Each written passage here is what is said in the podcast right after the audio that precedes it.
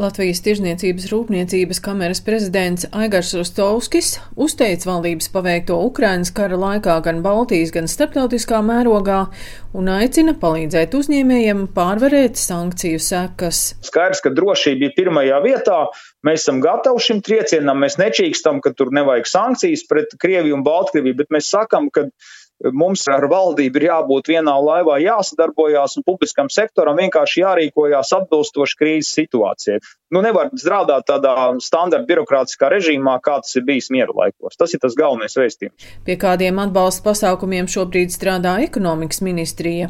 Uzņēmē darbības konkurētspējas departamenta direktore Ilze Lore stāsta, ka šobrīd būtiskas ir trīs lietas Pirmkārt un primāri mēs šobrīd strādājam ar Latvijas uzņēmumu iesniegtajiem problēmu jautājumiem, kas skar izeivielu un tirgus pārorientācijas jautājumus. Mēģinam atrast, piemēram, citus sadarbības partnerus Eiropas Savienības dalību valstīs.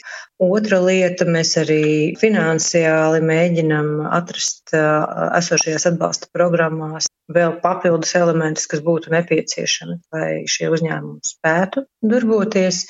Un vēl tas viens no virzieniem ir energoresursu jautājums un domājam par to, kā palīdzēt ilgtermiņā lai gan uzņēmumi, gan maisaimniecības neciestu no šīs Ukrainas krīzes ietekmes. Ieteikumi, kā uzlabot esošo situāciju, ir arī uzņēmējiem.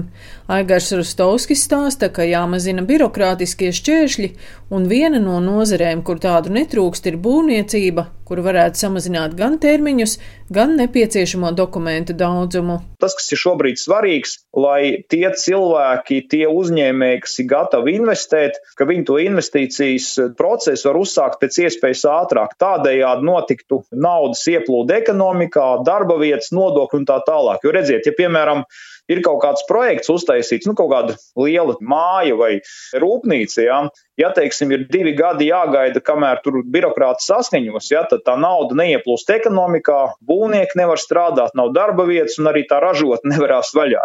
Ja šo lietu debirokratizē, tad to rūpnīcu var uzbūvēt jau pēc pusgada. Un tādējādi ar šo te nu, tādu pātrinājumu var ļoti būtiski kompensēt to sankciju ietekmi. Par to, ko uzņēmēji gaida no publiskā sektora, turpina ārvalstu investoru padomas izpildirektore Linda Helmane. Šobrīd uh, ir svarīgi nodrošināt uh, enerģētisko neatkarību pēc iespējas ātrāk, uh, tādēļ nepieciešams arī pārskatīt esošo regulējumu visos līmeņos. Te neiet runa par atbalstu uzņēmējiem, bet tieši par to, ka ir jānoņem šķēršļi, lai varam ātrāk tikt līdz nu, reāli darba darīšanai. Darīt ātri nenozīmē darīt nelikumīgi, vienalga ir jāturpina ievērot godīgas konkurences principi un, un, un likumi. Protams, ka sankcijas ietekmēs materiālu pieejamību un cenas visā Eiropā. Un šajā ziņā ir jāsaprot, ka dažādi projekti var arī nevirzīties uz priekšu iepriekš noteiktajos termiņos, un tas arī ir jāņem vērā publiskajam sektoram. Publiskam sektoram jābūt tomēr dinamiskam un elastīgam un jāskatās vairāk pēc būtības, nevis tik ļoti pēc burta dažādu projektu realizācijā. Tīpaši arī šādos apstākļos ir svarīgi, kad ir uh, laba komunikācija un sadarbība publiskajam sektoram ar uzņēmējiem, jo ir jākonsultējas ar industrijas ekspertiem, nevis tikai ķeksīšu pēc, bet lai tiešām izprastu, kādi ir lielākie izaicinājumi, jo nu, situācija arī mainās un attīstās. Tas arī ir skaidrs.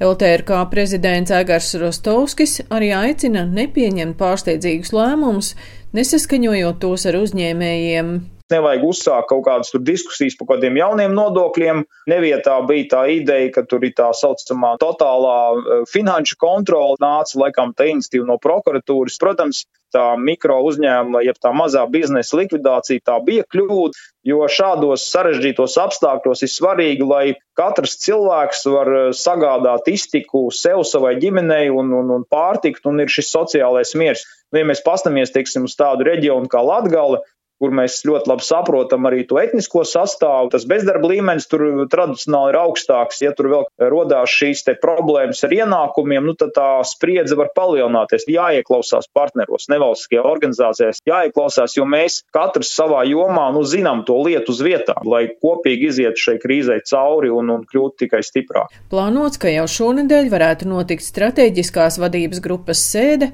kurā bez LTRK piedalās arī Latvijas darba devēja konfederācija federācija, pašvaldību savienība un citas nevalstiskās organizācijas. Daina Zalamane, Latvijas radio.